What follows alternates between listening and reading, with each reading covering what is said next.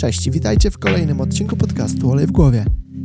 Oj, drodzy Państwo, kotki to takie piękne stworzenia. Piękne, małe, wyznaczają swoje drogi, trasy, cele. Pewnie niejednokrotnie, chociaż wiele psiarzy by się pewnie z tym nie zgodziło, że są pięknymi stworzeniami, bo pewnie nie mają tak wyrobionych zdolności przyjacielskich, tak jak mają nasze czworonożne stworzenia zwane psami. Natomiast koty mają coś w sobie zupełnie innego. Koty służą nam jako, nie wiem, mam wrażenie, przeciwwaga e, bardzo często, bardzo często również jako eksperyment.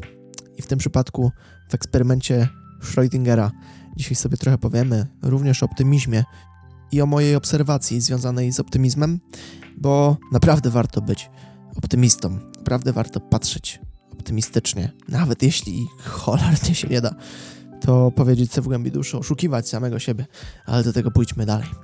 Kod Schrödingera, szanowni państwo, to eksperyment e, czasem, bo czasem zwany paradoksem, polegający na tym, że zamykamy w szczelnym, najszczelniejszym pudełku świata kota. Wyobraźcie sobie jakiegokolwiek kota, to nie ma większego znaczenia, natomiast kot, bo tak się nazywa ten eksperyment. I poza kotem, w tym bardzo szczelnym pudełku, wkładamy tam również jakiś taki na przykład azot z trucizną, taką cholerną trucizną, która tego kota pozbawi życia w, no nie w mgnieniu oka, ale w jakimś tam czasie, tak? Jak wiemy, jak działają gazy, generalnie nie działa to tak, tylko jest jakby proces. No i trzecią rzeczą, którą, którą umieścimy w tym pudełku będzie detektor, który będzie obserwował każdy poszczególny atom. A jak wiemy, bądź też nie, każdy atom prędzej czy później się rozłoży, ulegnie rozpadowi. I kiedy to się stanie, wówczas ten detektor otwiera pojemnik z tym cholernie trującym gazem, ulatniając go w tym najszczelniejszym pudełku, w którym znajduje się jeszcze kot. No i ten trujący gaz, czysto teoretycznie, również praktycznie, nie pozostawia kotu cienia szansy na przeżycie. W każdej normalnej sytuacji tak by się stało. Natomiast przypadek tego schematu myślenia, eksperymentu myślowego kota Schrödingera, Oterwina Schrödingera notabene, działa mniej więcej tak, że my zamykając to pudełko, tracimy wizję tego pudełka. I wiemy, co tam się znajduje. Doskonale znamy mechanizm, który będzie tam postępował. Natomiast, prawdę mówiąc, odchodząc trochę do teorii, póki nie dostrzeżemy na żywe oczy, że faktycznie ten atom rozpadł, bo ten eksperyment jest y, okropnie skomplikowany. Natomiast na takiej kompletnej podstawowej bazie, tutaj działając, no nie jesteśmy w stanie ocenić, czy w pudełku zadziało się to, co zadziać się miało. Założenie jest też takie, że my się nie dowiemy. I dlatego to jest eksperyment myślowy. Notabene tam po jakimś czasie, który fizycy pewnie mieliby z ogromną łatwością do wyliczenia, mm, tam istnieje tak samo ogromne prawdopodobieństwo, że kot przeżył. Tak samo wielkie jak kot nie przeżył. Czyli jakby wskazywał nam zdrowy rozsądek, yy, no, yy, chyba go nie ma, a jednak może być. O to chodzi w, w eksperymencie Schrödingera i w kocie Schrödingera. I dlatego też znalazłem bardzo ciekawy wykład y, z kilku perspektyw właśnie optymizmu. Z jednego z całkiem świeżych TEDów, bo został on opublikowany e, pod koniec 2023 roku, więc niespełna miesiąc temu, e, gdzie pan profesor Piotr Zielonka opowiadał o tym, czy kot Schrödingera byłby optymistą, albo czy mógłby być optymistą. Wiecie, będę cytował wiele momentów z tego wykładu, natomiast będzie tu też wkład własny. Czy my, wchodząc do pudełka z cholernie trującym gazem, ze świadomością, że prędzej czy później on się rozpyli, nie wiadomo tylko kiedy, i ten gaz się ulotni, i coś się stanie z tymi atomami, coś się stanie z tym gazem, no bo przecież jeśli jakiś mechanizm tam się zadzieje, no to on będzie y, trwał do końca. Do końca, do jakiegoś momentu, w którym jakby to przedstawienie przedsta prze przestanie się odgrywać. No nie? Nikt nas nie uwolni. I my tak naprawdę jako ludzie w ogóle jesteśmy wkładani do takiego pudełka, okropnego pudełka zwanego światem, y, w którym y, jest mnóstwo trucizn. Nie? Taką naj najprostszą na takim całkowicie codziennym poziomie wpada mi do głowy to okropna jakość powietrza jak bardzo na to narzekamy. Te procenty skażenia i czynniki, współczynniki tam są okropne. I, I co jest najbardziej fascynujące dla mnie z perspektywy y, dzisiejszego wieczoru i, i po tym kawałku wykładu, no i my, będąc w tym świecie, oddychając tym zatrutym powietrzem, będąc w tej takiej klatce, będąc w tym takim szczelnym pudełku, szczelnym do granic, bo wiadomo, że tam no, jakąś tam siłą, bardziej może mocą, posługujemy się tu e, terminologią mocy. E, bardzo fajne słowo notabene, nie? Jeśli nie macie na coś siły, to znajdźcie moc. To, to, to, ale to też kiedyś sobie powiemy pewnie tutaj. Więc, więc my znajdujemy na tym świecie moc do tego, żeby o tym nie myśleć.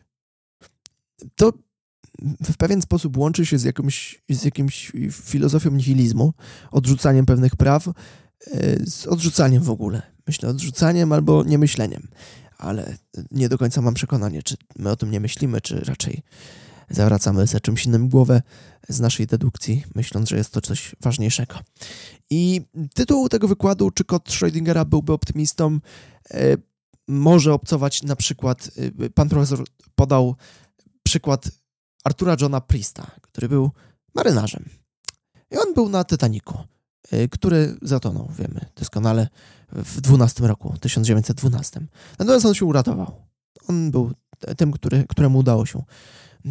A co było najśmieszniejsze w tej historii, że on się uratował z tego Titanika, to że rok wcześniej y, na statku Olympic w 1911 roku, y, który również zatonął, on też był i też się uratował. I w ogóle jeszcze większym paradoksem jest to, że jeszcze trzy lata wcześniej, w 1908, był na statku, który utonął. Asturias. Ponownie utonął, a ponownie on się uratował. No i po Titaniku, wiecie, do trzech razy sztuka się mówi. Udało mu się trzy razy wygrać z, ze szczęściem, z losem. Po prostu wygrał w Tototka. Y, to postanowił dryfować dalej. No i wsiadł na pokład Alacantry, y, pokładu, który również zatonął on ponownie się uratował. 1916 rok. W tym samym roku, kilka miesięcy później, wsiadł na pokład kolejnego statku Britannic. I również on skończył się fiaskiem. Natomiast on uratował się. No i szósty raz Donegal rok później również utonął i również on się uratował. I miał być siódmy raz. Ale już mu powiedzieli, że wystarczy. Dopiero przy siódmym. Wiecie, to, to, jest, to jest paradoks, nie? Ten gościu przy każdym kolejnym razie, w który wsiadał na ten statek, on nie myślał, że on przecież ten statek pójdzie pod wodę, a on się będzie musiał ratować. On nie myślał o tym, bo to utraciłoby jakkolwiek sens. Była też pani, Chao Sasun, w Korei, która miała tam firmę swoją e, i, i do tej firmy potrzebowała ostatecznie prawa jazdy, e, żeby tam przewozić jakieś towary. No więc poszła, jak każdy normalny człowiek by zrobił, zapisać się na kurs, potem na egzamin. I tego egzaminu nie zdała, drugi raz podeszła, też nie zdała, trzeci raz podeszła, też nie zdała. Yy, I tak samo za 13, tak samo za 67, tak samo za 132. I tak próbowała, próbowała. Jakbyście mieli zgadnąć, za którym razem ta kobieta zdała. 950. Kto z nas podszedłby do egzaminu, za który płacimy 950 razy? I płacimy nie dość, że materialnie, to płacimy jeszcze y, walutą najcenniejszą, którą jest czas. I ta pani w, pewnym momencie zrobiła sobie z tego taki rytuał, że codziennie rano chodziła y, na zdawanie prawa jazdy. Codziennie, codziennie o 9.30 chodziła, a potem życie toczyło się dalej. W pewnym momencie tam nie mogła chodzić codziennie, no to chodziła co trzy dni. I tak chodziła, chodziła. I wiecie, jak ogromną szczęściarą była za tym 950 razem? Po tych 949 porażkach. Jak bardzo to jedno zwycięstwo musi smakować. Wiecie, to są przykłady, mm, które ja tutaj opisuję i też pan profesor Zielonka to opisywał, y, w których nie opisujemy właśnie, bo na przykład Michael Jordan, nie opisujemy tyle koszy, ile y, nie trafił, tylko właśnie tyle, ile trafił. Tak samo, wiecie, Kobe Bryant też, też nie wypominamy mu tych, których nie trafił. Lewandowskiemu no tu trochę różnie bywa, ale też raczej wspominamy te, które trafił. I chciałbym, żebyście załapali jedno, że jakkolwiek cholipcia nie wychodzi, jakkolwiek nie jesteśmy duszeni przez y, okropne toksyny w okropnie szczelnym pudełku, to musimy podejmować próby. próby, które nie kończą się tylko na naszej fizyczności, polegają na wiecie, właśnie takim y, schematycznym, fizycznym, pewnym monumentalnym podejściu do egzaminu prawa jazdy, naciśnięciu tego pedału gazu, pedału sprzęgła i ruszeniu w odpowiednią stronę na przykład i wszystkich pogmatwanych rzeczy, które wiążą się z, z tym rytuałem już do pewnego momentu. Bardziej chciałbym skupić się tu na tej mocy psychicznej. Jaką psychikę trzeba mieć? I jaki optymizm, pokłady optymizmu w sobie mieć, żeby po 949 razach podejść 950 raz do egzaminu na prawo jazdy i w końcu go stać. Ja bym na jej miejscu powiedział, dobra, róbmy te tysiąc. Chyba nikt że tak nie miał. I ona prześpiewczo potem, wiecie, telewizje się zjeżdżały do tej babki, pytało ją jak, to dlaczego ty się nie poddawałaś, jak to jest możliwe, jak się czujesz. Ona powiedziała, no jak się czuję. no wiecie, próbując tyle set razy, wydając kupę kasy, kupę czasu. I ona jeszcze optymistycznie dodała, że nie mogła się poddać w połowie. Gdzie ta połowa była, nie? Czy ktoś by pomyślał, że połowa to będzie 425? No wątpię. Więc ja uważam w ogóle, i to serio uniwersalna prawda chyba naszego umysłu, że nasz mózg nie ma ograniczeń. Do pewnego momentu my jesteśmy tymi ograniczeniami i możemy go dosłownie jak jakąś plastelinę układać, modyfikować sposoby no bardzo zmyślne. Więc jeśli mogę wam dołożyć jakąś dzisiejszą cegiełkę do waszego umysłu, do waszej mocy, do waszego mózgu, niech to będzie moc optymizmu. Nawet jeśli jesteście zamknięci w pudełku, które jest objęte trucizną, no to być może wiecie, może żyjecie. Może. Może. Bo czemu zakładać, że nie może? Lepiej oddać strzał. Większość ludzi na łożu swojej śmierci mówi, że najbardziej żałują tego, że nie spróbowali. Więc próbujcie, póki macie na to czas, choćby 950 razy, choćby 6 razy wypływając w rejs i choćby tyle, ile byście tylko chcieli. Ale tyle, ile byście tylko chcieli, zależy tylko i wyłącznie od Was.